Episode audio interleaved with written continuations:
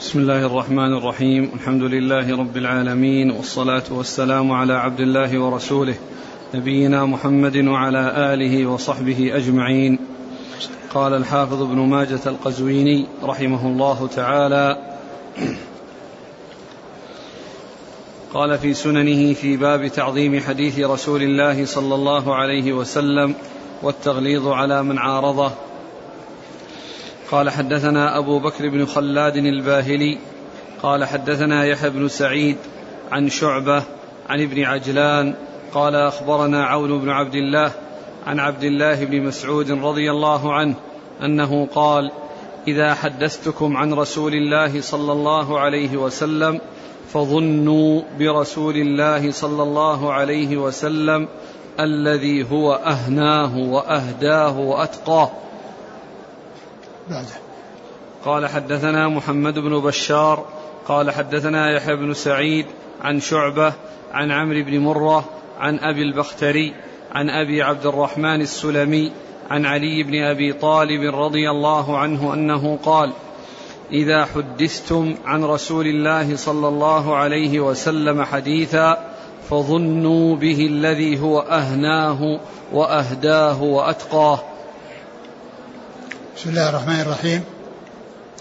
الحمد لله رب العالمين وصلى الله وسلم وبارك على عبده ورسوله نبينا محمد وعلى آله وأصحابه أجمعين. أما بعد فهذان الأثران عن ابن مسعود وعن علي رضي الله تعالى عنهما فيهما أن الرسول عليه الصلاة والسلام إذا حدث بحديث أو حدث عنه بحديث ونسب إليه الحديث فإنه يظن بذلك الذي هو أهنى وأهدى وأتقى. وقد أورد وقد أوردهما في تعظيم حديث الرسول صلى الله عليه وسلم. وهذا من تعظيم حديث الرسول صلى الله عليه وسلم كونه يظن به بما جاء عنه صلى الله عليه وسلم ما هو أكمل في النفع وأكمل في الهداية وأكمل في التقى. هذا من تعظيم حديث رسول الله صلى الله عليه وسلم. ولا يظن به شيء دون ذلك أو يظن به يعني آه، آه، آه، يفهم من فهوم خاطئة ويحمل على معاني غير صحيحة وإنما يحمل على ما يظهر منه وعلى ما يعني يتبين من حديث الرسول صلى الله عليه وسلم وأن ما جاء به هو أكمل نفعا وأكمل هداية وأكمل تقى. وكمال النفع في قوله أهنى لأن يعني لأن لأن ذلك إنما يكون في الأصل في الشيء الذي آه، يستساغ والشيء الذي يكون آه، يستفاد منه في أكله بسهولة ويسر وارتياح وطمأنينة. وكذلك أيضا بالنسبة للهداية كون ما اشتمل عليه من الهداية يظن به ما هو أكمل يعني في الهداية. وكذلك من حيث التقوى والتقى يعني ما هو أكمل في آه، آه، التقوى. فيظن بما جاء عن الرسول صلى الله عليه وسلم الذي هو أكمل نفعا وهو الذي قال عنه أهناه وأكمل هداية الذي قال أهداه وأكمل تقا الذي قال أتقاه. وهذا كما أشرت داخل تحت ترجمة تعظيم حديث الرسول صلى الله عليه وسلم. ويمكن يدخل تحت يعني جملة التغليظ على من عارضه إذا فهم بفهوم خاطئة أو صرف عما يدل عليه إلى معاني باطلة. يعني لا يعني آه، آه، يدل عليها الكلام ولا تناسب لحديث الرسول صلى الله عليه وسلم. والحديث الأول والأثر الأول فيه انقطاع وهو غير آه، صحيح. ولكن الحديث الأثر الذي بعده عن عن علي صحيح وهو بمعناه وهو بمعناه. فيكون هذا الذي جاء عن ابن مسعود وفيه كلام جاء عن علي رضي الله عنه وهو صحيح. ولكن ما جاء عن علي ثابت بالإسناد الصحيح المتصل وأما ما جاء عن مسعود ففيه آه، ففيه انقطاع. و والأثران من زيادات ابن ماجه على الكتب الخمسة والأثران من زيادات ابن ماجه على الكتب الخمسة وكذلك الأثر الذي الذي الحديث الذي قبله قبلهما وهو حديث عبادة بن الصامت نعم. نعم. يعني هذه ثلاثة من زيادات ابن ماجه التي ذكرها البوصيري. نعم. قال حدثنا أبو بكر بن خلاد الباهلي. هو محمد بن خلاد وهو ثقة أخرج له مسلم وأبو داود والنسائي بن ماجه. نعم. عن يحيى بن سعيد وهو القطان وهو ثقة أخرج أصحاب الكتب. عن شعبة شعبة بن الحجاج الواسطي ثم البصري ثقة أخرج أصحاب الكتب. عن ابن عجلان محمد بن عجلان وهو صدوق أخرجه البخاري تعليقا ومسلم وأصحاب السنن. عن عون بن عبد الله عون عون عون عون, عون بن عبد الله وهو ثقة أخرجه أصحاب الكتب. مسلم وأصحاب السنن. مسلم وأصحاب السنن. مسلم وأصحاب السنن. عن عبد الله بن عن عبد الله بن مسعود رضي الله تعالى عنه الصحابي الجليل وحديثه أخرجه أصحاب الكتب الستة وفيه انقطاع بين عون وبين عبد الله بن مسعود لكن الحديث الأثر الذي بعده ثابت وهو بمعناه. نعم. قال حدثنا محمد بن بشار. محمد بن بشار هو ملقب بن دار وهو ثقة أخرج أصحاب الكتب. عن يحيى بن سعيد عن شعبة عن نعم. عن عمرو بن مرة. عن عمرو بن مرة ثقة أخرج أصحاب الكتب. عن أبي البختري. وهو عثمان بن فيروز سعيد بن فيروز, سعيد بن فيروز وهو ثقة أخرج أصحاب الكتب. عن أبي عبد الرحمن السلمي. وهو ثقة أخرج أصحاب الكتب. عن علي بن أبي عن علي بن أبي طالب رضي الله تعالى عنه أمير المؤمنين ورابع الخلفاء الراشدين الهاديين المهديين صاحب المناقب الجمة والفضائل الكثيرة وحديثه عند أصحاب الكتب الستة. قال حدثنا علي بن المنذر قال حدثنا محمد بن الفضيل قال حدثنا المقبري عن جده عن أبي هريرة رضي الله عنه عن النبي صلى الله عليه وعلى آله وسلم أنه قال لا أعرفن ما يحدث أحدكم عني الحديث وهو متكئ على أريكته فيقول اقرأ قرانا ما قيل من قول حسن فأنا قلته. ثم ورد آه، آه، ابن ماجه رحمه الله هذا الحديث عن أبي هريرة. عن أبي هريرة رضي الله عنه أن النبي صلى الله عليه وسلم قال لا أعرفن ما يحدث به أحدكم. ما يحدث أحدكم عني. لا لا أعرفن ما يحدث أحدكم عني. هذا مثل ما تقدم لا ألفين أحدكم متكئا على أريكته. يحدث بالحديث عني فيقول آه ما جاء في كتاب الله أخذنا به.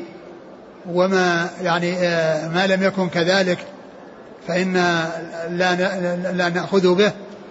فهذا يقول لا أعرفن ما يحدث يعني لا أعرفن تحديث أحدكم بحديث عني فإذا سمع الحديث عني الذي يحدث به وهو متكئ على أريكته يعني معناه أنه آه، آه، متنعم مترف يعني لم يشغل نفسه بالعلم وأخذه وطلبه وتلقيه عن أهله وإنما آه، يقول بهواه بأن الأخذ إنما هو في الكتاب وليس في سنة الرسول صلى الله عليه وسلم. وقد عرفنا فيما مضى أن سنة الرسول عليه الصلاة والسلام موضحة للكتاب ومفسرة له وأن الأخذ بها أخذ بالكتاب لأن الله تعالى يقول ما آتاكم الرسول فخذوه وما نهاكم عنه فانتهوا. وأن الرسول عليه الصلاة والسلام لا يأتي بالحديث من عنده وإنما يأتي به عن الله. وقد عرفنا فيما مضى الأدلة الدالة على أن حديث الرسول عليه الصلاة والسلام ليس من تلقاء نفسه وإنما هو وحي أوحاه الله تعالى إليه وأن الوحي وأن المتلو وأن الوحي المنزل عليه قسمان قسم هو متعبد بتلاوته والعمل به هو القرآن وقسم متعبد بالعمل به وهو سنة الرسول صلى الله عليه وسلم وأن من أنكر السنة فهو منكر القرآن ومن كفر بالسنة فقد كفر بالقرآن لأنه كافر بقول الله عز وجل وما آتاكم الرسول فخذوه وما نهاكم عنه آه، فانتهوا. ف فإذا قرئ فإذا حدث بالحديث عن رسول الله صلى الله عليه وسلم وهو متكئ على على أريكته. قال اقرأ اقرأ قرآنا. يعني هات شيء من القرآن يدل على هذا الذي آه، آه، تريده أو الذي الذي جاء في هذا الحديث الذي ذكرته. إن كان في القرآن أخذنا به وإلا فلا. اقرأ قرآن اقرأ قرآنا. يعني اتلو علينا شيء يدل عليه من القرآن. هذا المعنى الذي تستدل عليه بما ذكرته من الحديث. لا نعول على ذلك وإنما نعتمد على القرآن. فاقرأ قرآنا أو اقرأ شيء من القرآن يدل على هذا الذي ذكرته. فإن أتيت به من القرآن وأن هذا الكلام فيه شيء يصدقه من القرآن أخذنا به وإلا فإننا لا نأخذ. اقرأ قرآنا. ما قيل من قول حسن فأنا قلته. ثم قال ما قيل من قول حسن فأنا قلته. يعني هذا على إطلاقه لا يستقيم.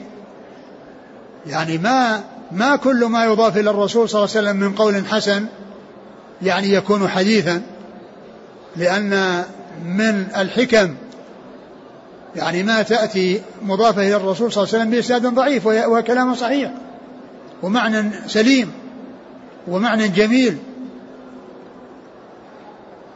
فليس كل معنى حسنا يضاف إلى الرسول صلى الله عليه وسلم يكون صحيحا وإنما يكون صحيحا إذا إذا إذا استقام الإسناد وصح الإسناد إلى الرسول عليه الصلاة والسلام.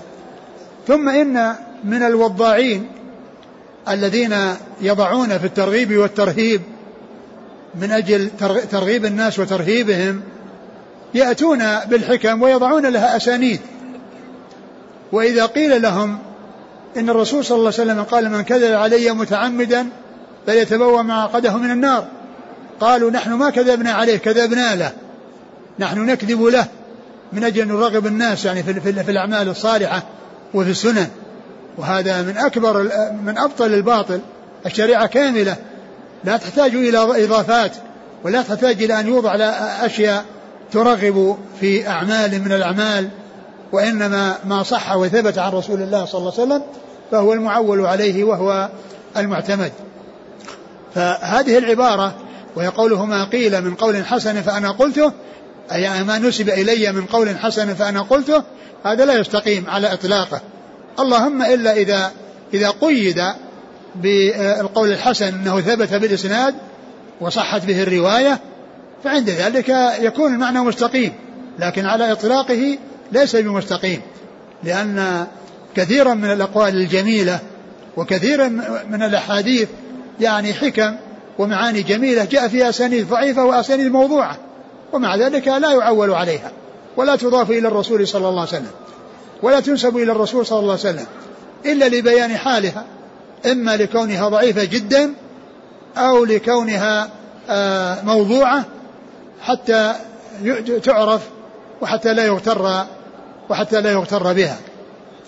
فإذا هذا الكلام الذي جاء في آخر الحديث وقوله ما ما قيل من قول حسن يعني آه، فأنا قلته يعني ما أضيف إلي من الحديث ونسب إلي من الحديث من أقوال حسنة فأنا قلت ذلك هذا ليس على إطلاقه بل يعني يدخل تحته على إطلاقه ما لا يجوز آه، آه، أن ينسب إلى الرسول صلى الله عليه وسلم لعدم ثبوته من المعاني الصحيحة والمعاني المستقيمة كالحكم الجميلة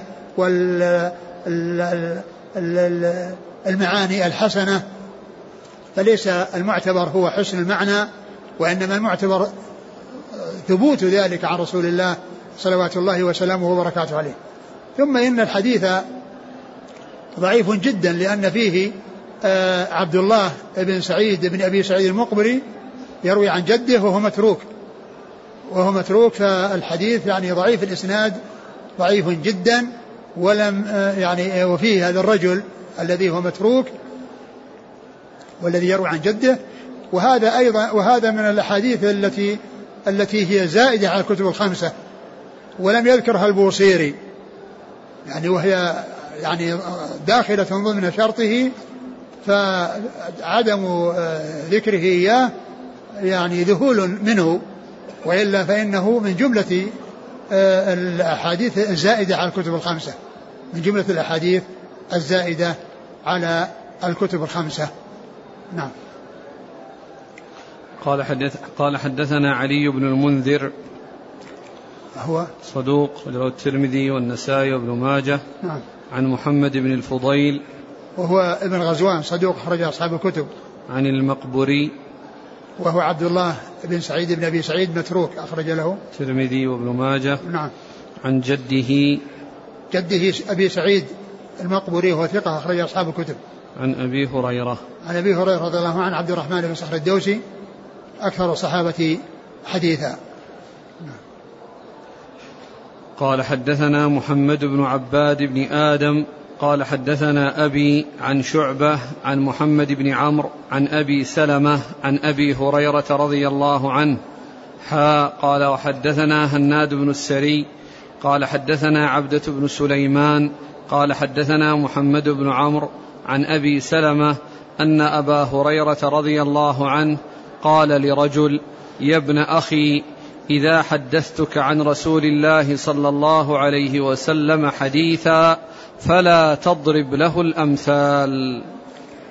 ثم أورد أبو, آه، آه، آه، أبو عبد الله بن ماجه رحمه الله هذا الحديث عن عن أبي هريرة رضي الله عنه وهو أن وهو قوله رضي الله عنه إذا حدثتك لقوله لرجل إذا حدثتك عن رسول الله صلى الله عليه وسلم حديثا فلا تضرب له الأمثال.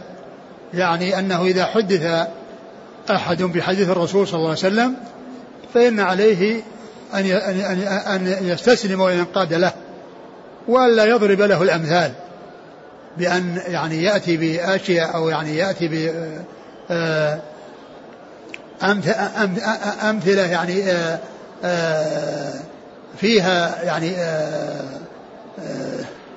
عدم المبادرة إلى الاستسلام والانقياد لما جاء به الرسول صلى الله عليه وسلم. إذا حدثتك بحديث عن رسول الله صلى الله عليه وسلم فلا تضرب له الأمثال. وهذا الرجل ذكر جاء عند ابن ماجه نفسه في طريق أخرى ستأتي وأنه ابن عباس رضي الله تعالى عنه رضي الله تعالى عنهما. وذلك في حديث في رقم توضأوا. 490 نعم توضأ 490 توضأوا. قال مما مست النار. إيش قال عن أبي هريرة؟ هناك. توضأوا مما غيرت النار. فقال ابن عباس أنا توضأ من الحميم؟ فقال له يا ابن أخي إذا سمعت عن رسول الله صلى الله عليه وسلم حديثا فلا تضرب له الأمثال. يعني هنا ذكره مختصرا وذكر كلام أبي هريرة وهناك ذكر السبب والمناسبة التي قال فيها هذه المقالة. لأنه قال يعني أن الرسول قال توضأوا مما مست النار. قال قال رسول الله. نعم عن أبي نعم هريرة. نعم. قال قال توضأوا مما مست النار. فقال ابن عباس أنا توضأ من الحميم. قال يا ابن أخي إذا حدثتك عن رسول الله صلى الله عليه وسلم فلا تضرب له الأمثال. يعني أن الواجب على أي إنسان يسمع حديث الرسول صلى الله عليه وسلم أن يستسلم وينقاد له مباشرة ومن أول وهلة. وألا يتوقف بذلك ولا يضرب له الأمثال. ولا يضرب له الأمثال. وضرب المثل الذي أشار إليه هنا قوله أنا أتوضأ من الحميم أنا أتوضأ من الحميم والحديث الذي آه، في في آه، كتاب الطهارة توضأ مما غيرت النار. توضأ مما غيرت النار.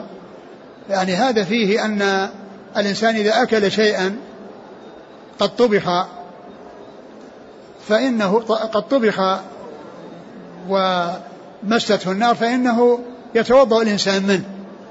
يتوضأ الإنسان من أي شيء مسته النار فإن الإنسان يتوضأ منه. لكن ذلك نسخ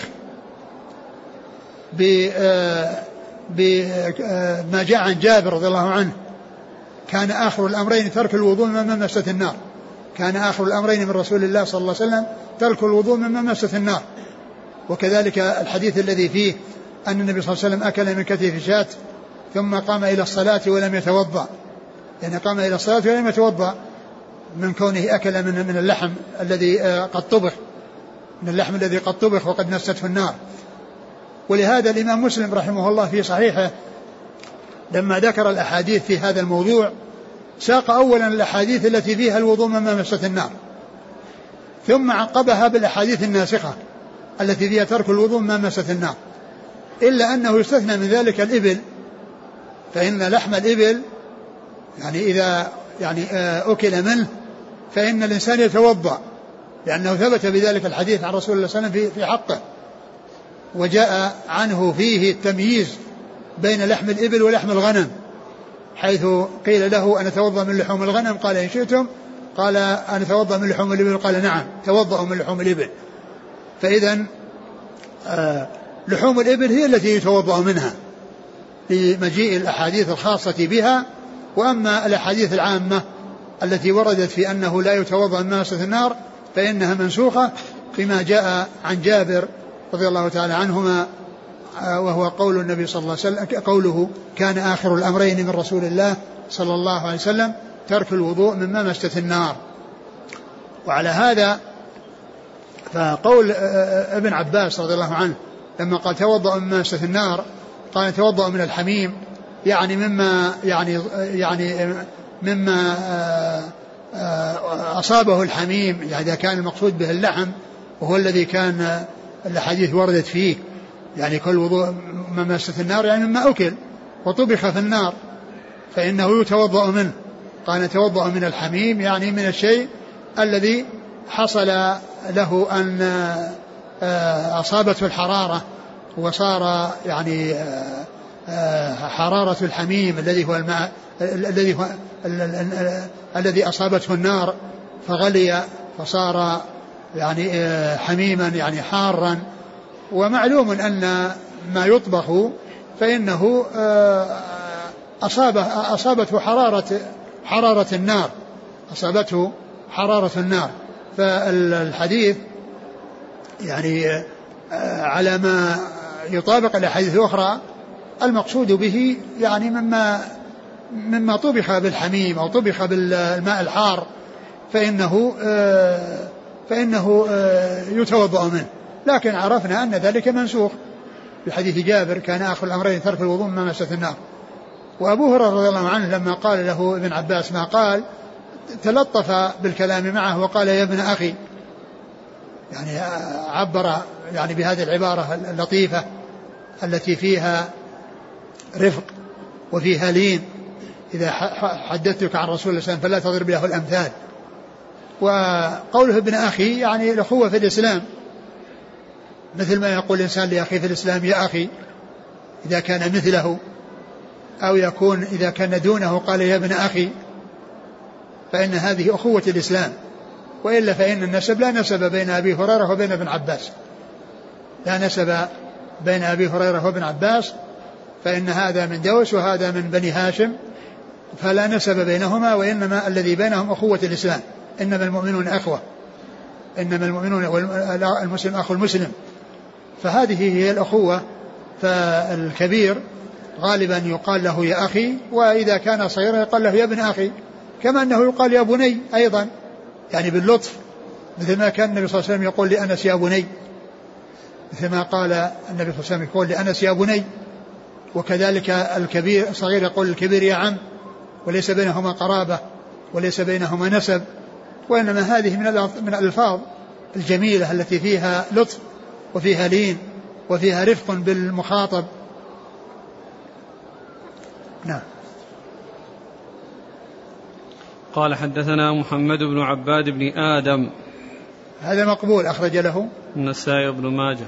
نعم. عن أبيه. وهو مجهول أخرج له. ابن ماجه. نعم. عن شعبة. عن محمد بن عمرو. محمد بن عمرو بن وقاص الليثي وهو صديق أخرج أصحاب الكتب. عن أبي سلمة. عن أبي سلمة بن عبد الرحمن بن عوف ثقة أخرج أصحاب الكتب. عن أبي هريرة. حاء قال وحدثنا هناد بن السري. هناد بن السري ثقة أخرجه البخاري في خلق أفعال العباد. ومسلم وأصحاب السنن عن عبدة بن سليمان. عبدة بن سليمان ثقة أخرج أصحاب الكتب. عن محمد بن عمرو عن أبي سلمة عن أبي هريرة. نعم الحديث ومن الطريق الثاني حسن من أجل محمد بن عمرو وإلا الطريق الأول فيه مجهول وفيه مقبول لكن المعول على الطريق الثاني. المعول على الطريق الثاني الذي آه، فيه آه، هناد ثقة والعبده ابن سليمان ثقة وإنما من أجل محمد بن عمرو يعني يقال الحديث آه، حسن لأنه صدوق. نعم. قال أبو الحسن حدثنا يحيى بن عبد الله الكرابيسي قال حدثنا علي بن الجعد عن شعبة عن عمرو بن مرة مثل حديث علي رضي الله تعالى عنه. يعني هذا أثر يعني متصل أو متعلق بحديث علي بأثر علي. إذا حدثتم عن رسول بحديث فظنوا به الذي هو أهناه وأهداه وأتقاه. فكان المناسب أن يكون وراءه وأن يكون بعده مباشرة. وقد فصل بينه وبينه بحديثين. وقد فصل بينه وبينه بالحديثين فمحله هناك. و وقال مثل حديث علي مثل يعني مثل حديث علي الذي مر ظنوا به الذي هو أهناه وأهداه وأتقاه. وهذا من زيادة أبي الحسن القطان هذا أول زياداته. لأن أبا الحسن القطان وهو الراوي للسنن عن ابن ماجه عنده زيادات. يصدرها بقوله قال أبو الحسن.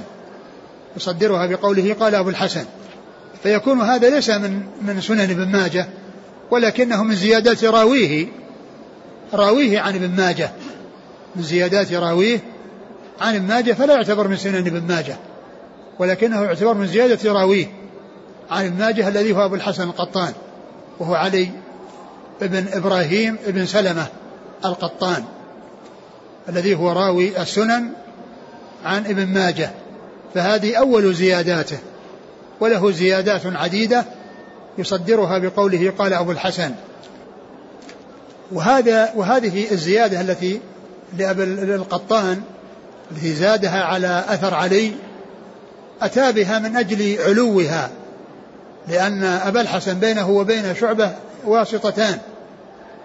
وأما في الطريقة التي فيها ابن ماجه بينه وبين ثلاث وسائط ثلاث وسائط الذي هو ابن ماجه و هنا في في حديث علي ذاك اللي راح. محمد بن بشار. محمد بن بشار و عن يحيى بن سعيد. ويحيى بن سعيد. يعني إلى شعبة يعني هذا الطريق الذي زاده بالحسن القطان فيه بينه وبين شعبة اثنين. بينه وبينه اثنان. وأما في طريق آه، آه، ابن ماجه ففي ثلاثة. نعم. ها؟ نعم صحيح. في ثلاثة. فإذا يعني فيها علو.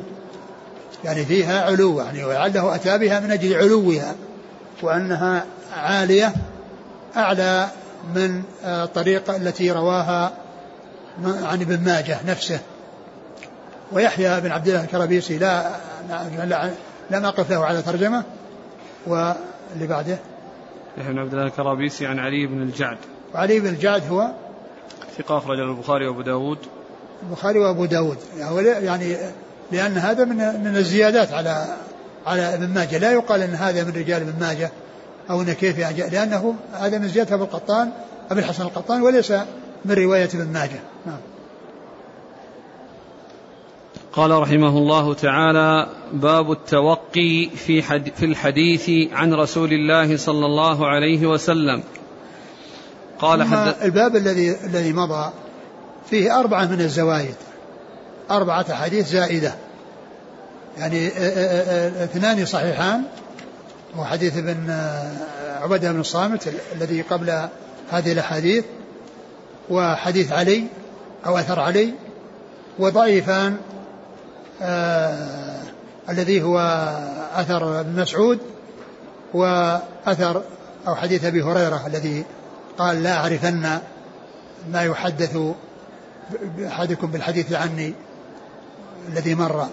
فهذه أربعة يعني هي تعتبر من الزوائد. ثلاثة من زوائد ابن البصيري والرابع ما ذكره البصيري ولكنه يعتبر من الزوائد. وعلى هذا في الباب الذي مضى في الأول في خمسة حديث صحيحة زائدة وهذا الباب فيه أربعة اثنان صحيحان واثنان ضعيفان فيكون مضى من الزوائد تسعة في هذين البابين الماضيين. نعم. قال باب التوقي في الحديث عن رسول الله صلى الله عليه وسلم.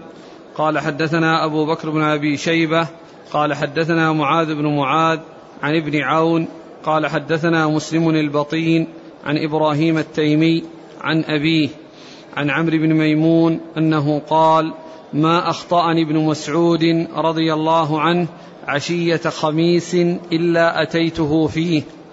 قال فما سمعته يقول بشيء قط قال رسول الله صلى الله عليه وسلم فلما كان ذات عشية قال قال رسول الله صلى الله عليه وسلم قال فنكس قال فنظرت إليه وهو قائم محللة أزرار قميصه قد اغرورقت عيناه وانتفخت أوداجه قال أو دون ذلك أو فوق ذلك أو قريبا من ذلك أو شبيها بذلك.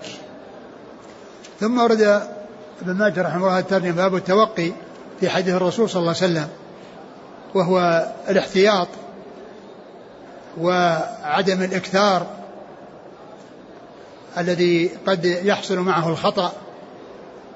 فيحتاط في حديث الرسول صلى الله عليه وسلم ويحرص على أدائه على الوجه الأكمل من الضبط والإتقان وإتقان ما يروى عن رسول الله صلى الله عليه وسلم بحيث لا يحصل خطأ أو وهم فيزيد في الحديث ما ليس منه أو ينقص منه ما هو فيه.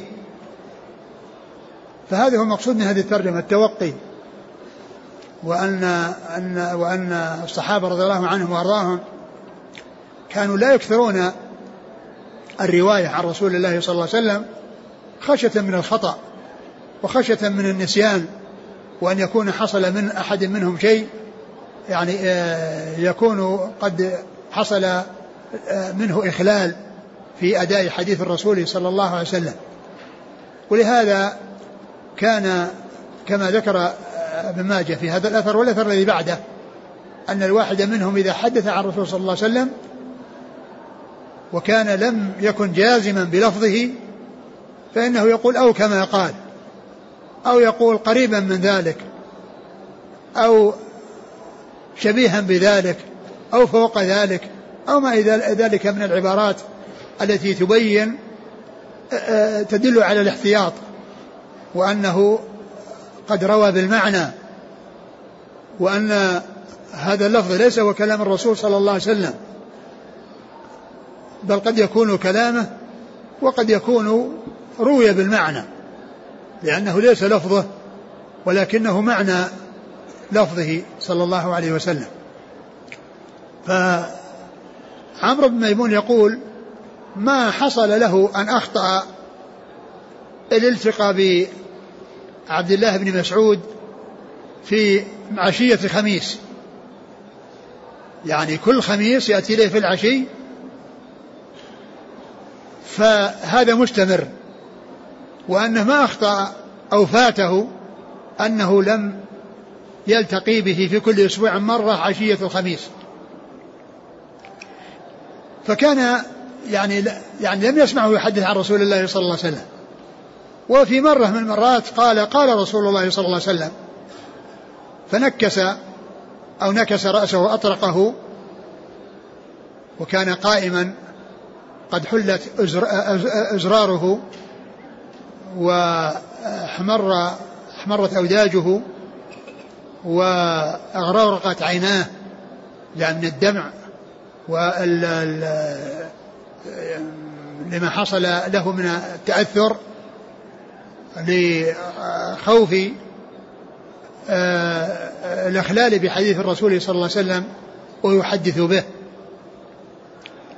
وفي لفظ للحاكم يعني بدل يعني الرابعة من هذه الكلمات الأربعة اللي في الأخير أو كما قال صلى الله عليه وسلم أو كما قال صلى الله عليه وسلم بدل أو شبيها بذلك.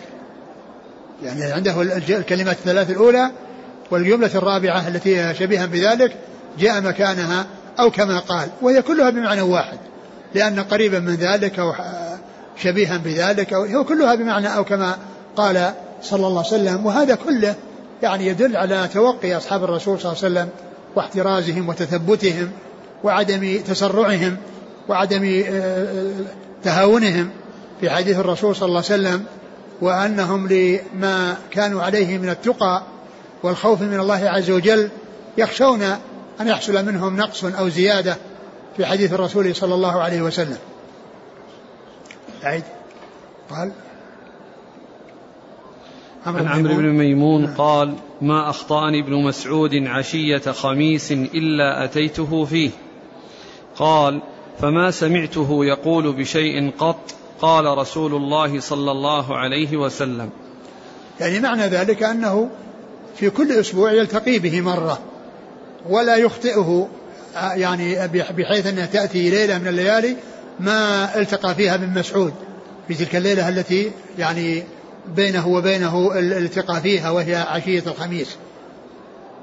ف فكان يعني يعني ما سمعه يحدث عن رسول الله صلى الله عليه وسلم وفي مرة من المرات قال قال قال رسول الله صلى الله عليه وسلم ثم إنه حصل له ما حصل من التأثر والتغير بتنكيس الرأس وانتفاخ الأوداج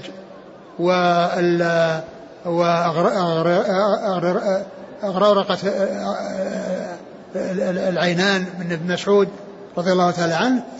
ثم إنه لما ذكر الحديث يعني لم يسكت بل أضاف إليه هذه الكلمات الأربع.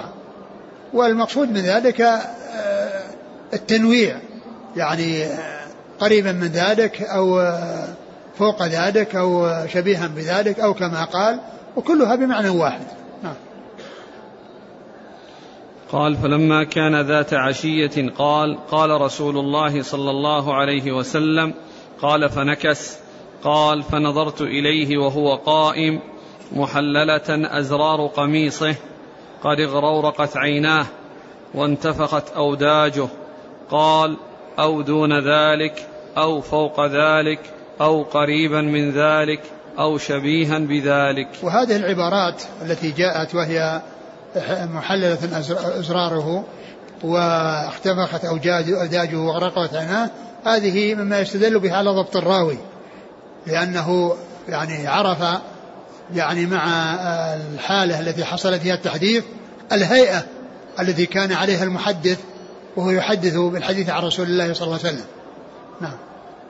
وهذا من جنس ما جاء عن عبد الله بن عمر رضي الله عنهما حيث قال أخذ رسول الله صلى الله عليه وسلم بمنكبي. أخذ رسول الله صلى الله عليه وسلم بمنكبي. فقال كن في الدنيا كأنك غريب أو عابر سبيل لأن لأنه حفظ الحديث وحفظ الهيئة التي كان عليها عند التحديث بالحديث وهو أنه وضع يده على منكبه. وكذلك حديث مسعود في التشهد يعني كفي بين كفيه. يعني ما أن الرسول يعني ماسك يده وجعلها بين كفيه وهو يحدث بهذا الحديث. يعني فهذا من الألفاظ والصيغ التي إذا جاءت مع الحديث استدل بها على ضبط الراوي وأنه قد حفظ مع الحديث الهيئة التي كان عليها المحدث وهو يحدث بالحديث. نعم. وفيه أيضا ما كان عليه التابعون من الحرص على التردد على الصحابة والأخذ عنهم والاستفادة منهم. ومن المعلوم أن الحق والهدى إنما جاء به الرسول الكريم صلى الله عليه وسلم وتلقاه عنه الصحابة الكرام والتابعون أخذوا عن الصحابة. ف يعني فالصحابة هم الواسطة بين الناس وبين رسول الله صلى الله عليه وسلم. فكان الصحابة أو التابعون يحرصون على اللقي بالواحد من الصحابة إذا ظفروا به وإذا حصلوه ويعتبرون اللقاء به غنيمة. إذا جاءوا إلى بلد فيه صحابي يعني من أهم المهمات عندهم أن يلتقوا بهذا الصحابي وأن يسمعوا من هذا الصحابي لأن ذلك الصحابي لقي الرسول صلى الله عليه وسلم وسمع حديث الرسول صلى الله عليه وسلم فهم يحرصون على على لقائه.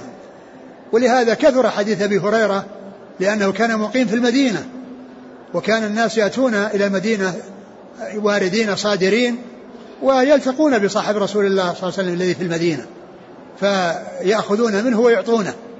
ولهذا كثر حديثه رضي الله تعالى عنه وأرضاه مع أنه ما يعني المدة التي صحب فيها الرسول صلى الله عليه وسلم قليلة لأنها من بعد, خيبر سنة خيبر وما بعدها.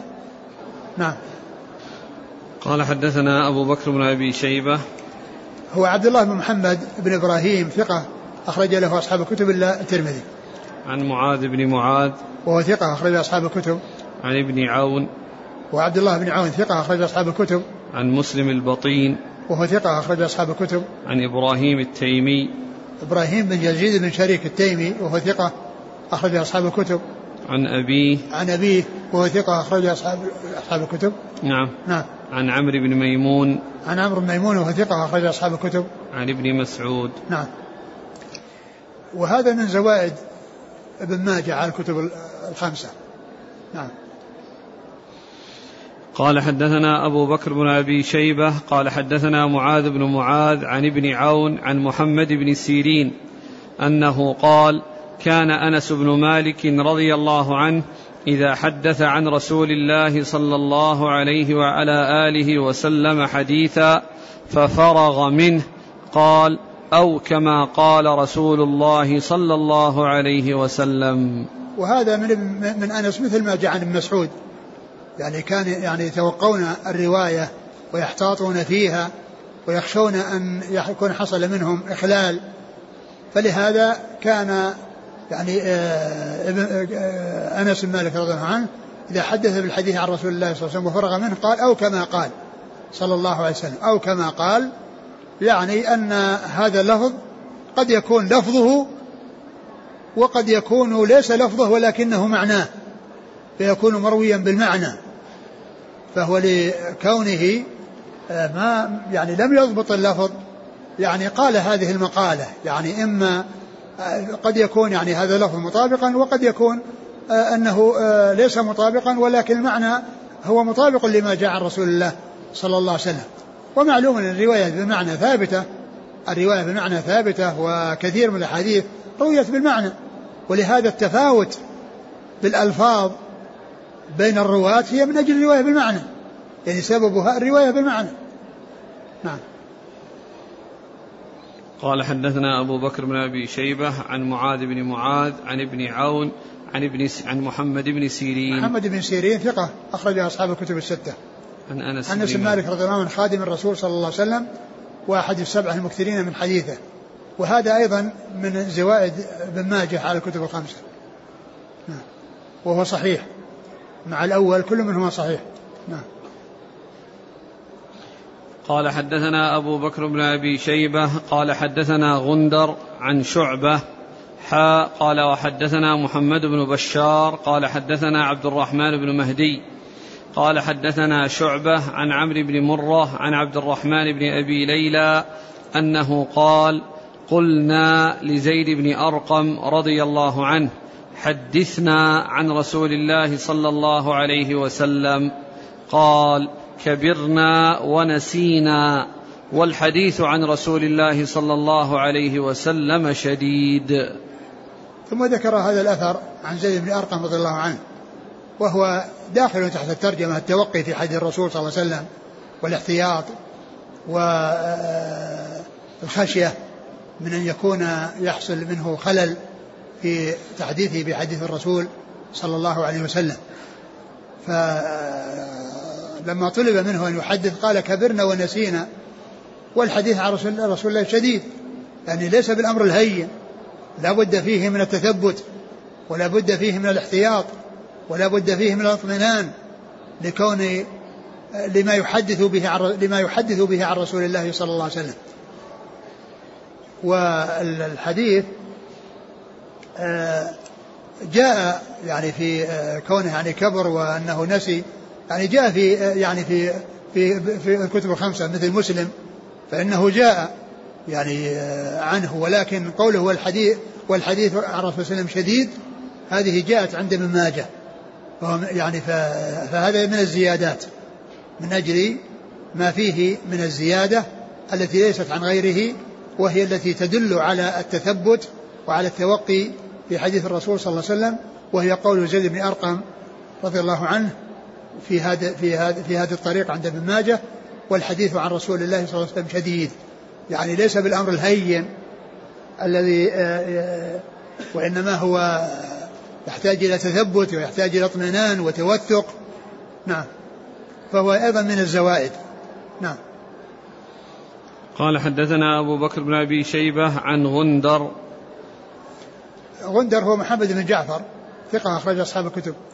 عن شعبة حا قال وحدثنا محمد بن بشار نعم. عن عبد الرحمن بن مهدي. عبد الرحمن المهدي ثقة أخرجه أصحاب الكتب. عن شعبة عن عمرو بن مرة عن عبد الرحمن. عبد بن مرة مر ذكره ثقة أخرج أصحاب الكتب. نعم عن عبد الرحمن بن أبي ليلى. وهو ثقة أيضا أخرج أصحاب الكتب. عن زيد بن أرقم. رضي الله عنه أخرجه أصحاب الكتب الستة. قال حدثنا محمد بن عبد الله بن نمير قال حدثنا أبو النضر عن شعبة عن عبد الله بن أبي السفر قال سمعت الشعبي يقول جالست ابن عمر رضي الله عنهما سنة فما سمعته يحدث عن رسول الله صلى الله عليه وسلم شيئا. وهذا أيضا من من من من التوقي في حديث الرسول صلى الله عليه وسلم وعدم التسرع والتهاون في التحديث. يقول الشعبي جلسته سنة فما سمعته يحدث عن رسول الله صلى الله عليه وسلم شيئا. فهذا مثل ما جاء عن عن ابن مسعود في الأول الذي آه، أول حديث أو أول أثر في هذا الباب. يعني كل ذلك يدل على توقي أصحاب الرسول صلى الله عليه وسلم وعلى عدم تسرعهم واحتياطهم وتثبتهم في حديث الرسول صلوات الله وسلامه وبركاته عليه ورضي الله تعالى عن الصحابة أجمعين. نعم. قال حدثنا محمد بن عبد الله بن نمير. محمد بن عبد الله بن نمير ثقة أخرج أصحاب الكتب. عن أبي النضر. وهو هاشم بن القاسم ثقة أخرج له. أصحاب الكتب. نعم. عن شعبة عن عبد الله بن أبي السفر. وهو ثقة أخرج أصحاب الكتب إلا الترمذي. نعم. عن الشعبي.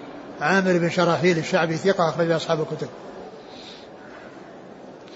قال حدثنا العباس بن عبد العظيم العنبري قال حدثنا عبد الرزاق قال أخبرنا معمر عن ابن طاووس عن أبيه قال سمعت ابن عباس رضي الله عنهما يقول إنا كنا نحفظ الحديث والحديث يحفظ عن رسول والحديث يحفظ عن رسول الله صلى الله عليه وسلم فأما إذا ركبتم الصعب والذلول فهيهات. ثم ذكر هذا الأثر عن ابن عباس رضي الله عنهما. قال كنا كنا كن إنا كنا نحفظ الحديث. إنا كنا نحفظ الحديث. يعني نأخذ الحديث. نأخذ الحديث عمن سمعه من رسول الله صلى الله عليه وسلم. معلوم أن ابن عباس هو من صغار الصحابة. هو من صغار الصحابة. ويعني أكثر رواية عن الصحابة وهم مراسيل الصحابة وهم من المكثرين من حديث الرسول صلى الله عليه وسلم من السبعة المكثرين من حديث الرسول عليه الصلاة والسلام. فيقول كنا نحفظ الحديث يعني عن عن من نلقاه عنده ممن كانوا عندهم تثبت وعندهم احتياط والحديث يحفظ يعني حقيق بأن يحفظ و و وهو حقيق بأن يحفظ. كنا نحفظ الحديث والحديث حقيق أن يحفظ عن رسول الله صلى الله عليه وسلم. وكان هذا يعني في أول الأمر. وبعد ذلك لما تغيرت الحال وكان كما وصف الناس ركبوا الصعب والذلول يعني معناه فيه يعني سلكوا مسالك يعني ليس فيها تمييز بين آه، آه، يعني آه، ما فيه سلامة وما ليس فيه سلامة. يعني هيهات أن نحفظ عن كل أحد. يعني قبل ذلك يحفظون قبل أن تحصل الفتن وقبل أن يحصل يعني ما يحصل من التفرق والاختلاف. فكانوا يحفظون ويأخذ بعضهم عن بعض. ولكن بعد أن ركب الناس الصعب والذلول يعني معناه وجد يعني فيهم من يعني من يعني يفرط ومن يفرط وجد الإفراط والتفريط الصعب الذي هو يعني الشديد الشديد النفار من الإبل الذي يعني ليس سهلا منقادا والذلول الناقة المذللة الناقة المذللة. يعني فلما تغيرت الحال ويعني وجد يعني من يتهاون في أمر الحديث وركب الناس الصعب والذلول يعني كانوا على هذا الوصف الذي يعني هو استعمال الإبل والركوب على ما كان ذلولا منها وعلى ما كان صعبا. يعني آه، ليس سهل القياد. فهيهات يعني هيهات أن نسمع من كل أحد وأن نحفظ وأن نتلقى عن كل أحد. يعني بعد أن تغيرت الحال. نعم. وهذا كله من التوقي في حديث الرسول صلى الله عليه وسلم. لأن آخر الحديث أو آخر الأثر عن ابن عباس لما قال لما ركب الناس الصعب والدلول هيهات. هيهات أن نأخذ عن كل أحد. لا بد من الاحتياط ولا بد من التوقي في حديث الرسول صلى الله عليه وسلم. نعم. قال حدثنا العباس بن عبد العظيم العنبري. هو ثقة أخرجه البخاري تعليقا ومسلم وأصحاب السنن. عن عبد الرزاق. ابن همام الصنعاني اليماني ثقة أخرج أصحاب الكتب. عن معمر وهو ثقة أخرج أصحاب الكتب. عن ابن طاووس عبد الله بن طاووس ثقة أخرج أصحاب الكتب. عن أبي وأبوه طاووس ثقة أخرج أصحاب الكتب.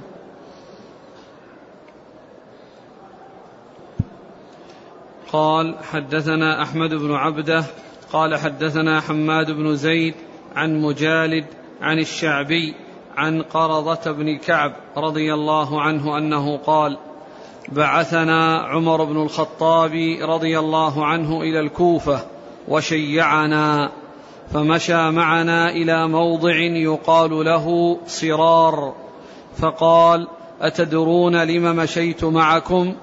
قال قلنا لحق صحبة رسول الله صلى الله عليه وسلم ولحق الأنصار. قال لكني مشيت معكم لحديث أردت أن أحدثكم به فأردت أن تحفظوه لممشاي معكم. إنكم تقدمون على قوم للقرآن في صدورهم هزيز كهزيز المرجل فإذا رأوكم مدوا إليكم أعناقهم وقالوا أصحاب محمد صلى الله عليه وسلم. فأقلوا الرواية عن رسول الله صلى الله عليه وسلم ثم أنا شريككم. ثم ورد ابن ماجه رحمه الله هذا الأثر عن عمر أو هذا هذا الأثر عن عمر بن الخطاب رضي الله تعالى عنه وأرضاه. وهو أن قرضة قرضة ابن كعب. ابن كعب آه مشى إلى الكوفة ومعه جماعة يعني من الأنصار فشيعهم أبو بكر رضي الله عنه عمر. عمر رضي الله عنه شيعهم عمر رضي الله عنه والتشييع معناه أنه مشى معهم.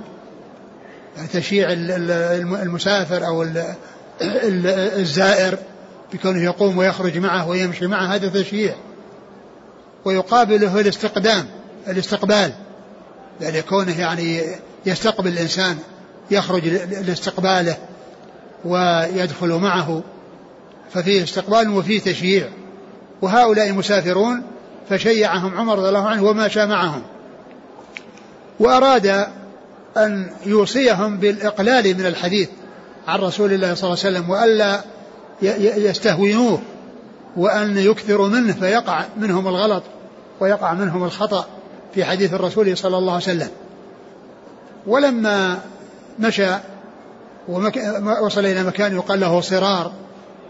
قال أتدرون لماذا مشيت معكم؟ فأجابوا قال يعني لأننا أصحاب الرسول صلى الله عليه وسلم ولأننا من الأنصار ويعني هذا من من إكرام أصحاب الرسول صلى الله عليه وسلم ومن إكرام الأنصار. فهذا الذي آه، فهموه. فبين لهم أن ممشاه معهم من أجل أن يحدثهم بهذا الحديث وأن يتذكروا يعني تحديثه إياه وأنه جاء بعد هذا الممشى.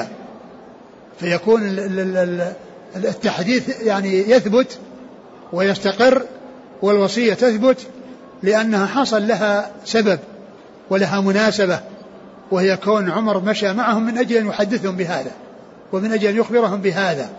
فقال إنكم ستقدمون على أناس للقرآن في صدورهم أزيز كأزيز المرجل. هزيز ولا أزيز؟ بالهاء. هزيز يعني يعني صوت يعني صوتهم بالقرآن وفي اشتغالهم بالقرآن. يقول عمر رضي الله عنه لهؤلاء القوم الذين شيعهم وهم ذاهبون إلى الكوفة قال إنكم تقدمون على قوم بالقرآن في صدورهم هزيز هزيز كهزيز المرجل والمرجل هو القدر. الذي يغلى فيه الماء فإنه إذا غلى الماء فإنه يطلع له صوت يعني صوت لغليان الماء. فكذلك يعني هؤلاء يعني في صدورهم يعني آه، اشتغالهم بالقرآن واعتنائهم بالقرآن يعني آه، له آه، في صدورهم يعني هزيز كهزيز المرجل.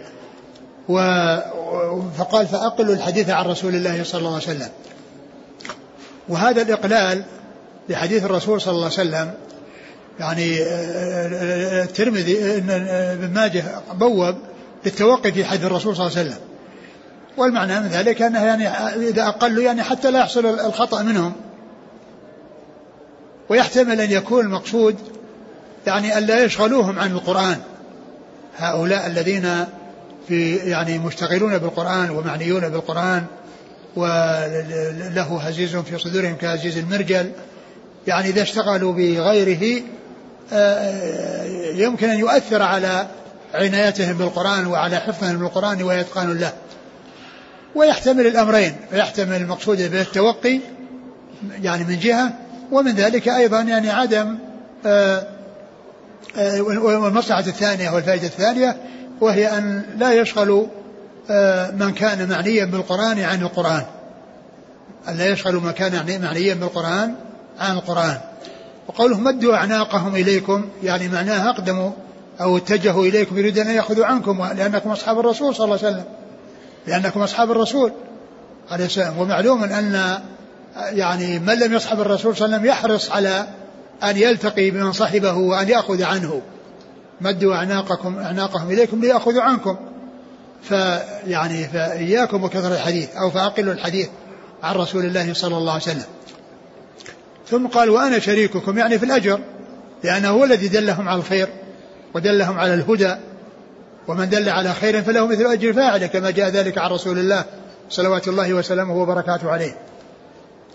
والحديث يدل على يعني فضل عمر رضي الله عنه وعلى كمال نصحه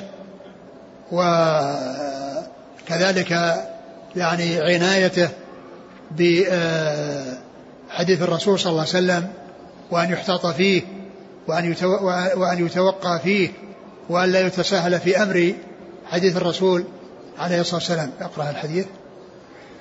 عن قرضة بن كعب رضي الله عنه أنه قال بعثنا عمر بن الخطاب رضي الله عنه إلى الكوفة وشيعنا فمشى معنا إلى موضع يقال له صرار فقال أتدرون لم مشيت معكم؟ قال قلنا لحق صحبة رسول الله صلى الله عليه وسلم ولحق الأنصار. قال لكن يعني هذا هو الذي فهموه. يعني لما سألهم هذا السؤال يعني أرادوا بينوا أن أنهم أصحاب الرسول وأنهم من الأنصار فيعني هذا من أجل توقيرهم وإكرامهم والاحتفاء بهم لكونهم من أصحاب الرسول صلى الله عليه وسلم ولكونهم من الأنصار الذين نصروا الرسول عليه الصلاة والسلام. ومعلوم أن النصرة لها معنى عام تشمل المهاجر والأنصار ولها معنى خاص وهم المدينة, المدينة الذين تبوأوا الدار والإيمان من قبل أن يقدم إليهم الرسول صلى الله عليه وسلم وأن يقدم إليهم المهاجرون رضي الله تعالى عن الجميع. وقول عمر رضي الله عنه تدرون؟ يعني أراد أن يتنبهوا أن يتنبهوا للشيء الذي يبينه لهم. لأن الإنسان إذا يعني سئل عن شيء أولا ثم تطلع لمعرفة السبب والحكمة التي من أجلها يعني حصل هذا الشيء فإنه يستعد له ويتهيأ لمعرفته ويكون ذلك أرسخ في ذهنه. يكون ذلك أرسخ في ذهنه. أتدرون ما قال لهم أقلوا الحديث عن رسول الله مباشرة؟ وإنما قال أتدرون لماذا شيعتكم ولماذا مشيت معكم؟ فهم قالوا لحق صحبة الرسول صلى الله عليه وسلم ولحق الأنصار. لكونهم من الأنصار. فهو يعني أراد هذا وأراد شيئا غير هذا. لا شك أن هذه مرادة أن كونهم صحابة الرسول وهم أهل الإكرام والاحترام والتوقير والاحتفاء. ولكن الشيء الذي أراده خصيصا وقصده هو أن يقلوا الحديث عن رسول الله صلى الله عليه وسلم. أن يقلوا الحديث عن رسول الله صلى الله عليه وسلم. نكمل قال إيش. قال قلنا أتدرون أتدرون؟ أتدرون لم مشيت معكم؟ قال قلنا لحق صحبة رسول الله صلى الله عليه وسلم ولحق الأنصار. قال لكني مشيت معكم لحديث أردت أن أحدثكم به فأردت أن تحفظوه لممشاي معكم. إنكم تقدمون على قوم للقرآن في صدورهم هزيز كهزيز المرجل. فإذا رأوكم مدوا إليكم أعناقهم وقالوا أصحاب محمد صلى الله عليه وسلم فأقلوا الرواية عن رسول الله صلى الله عليه وسلم ثم أنا شريككم.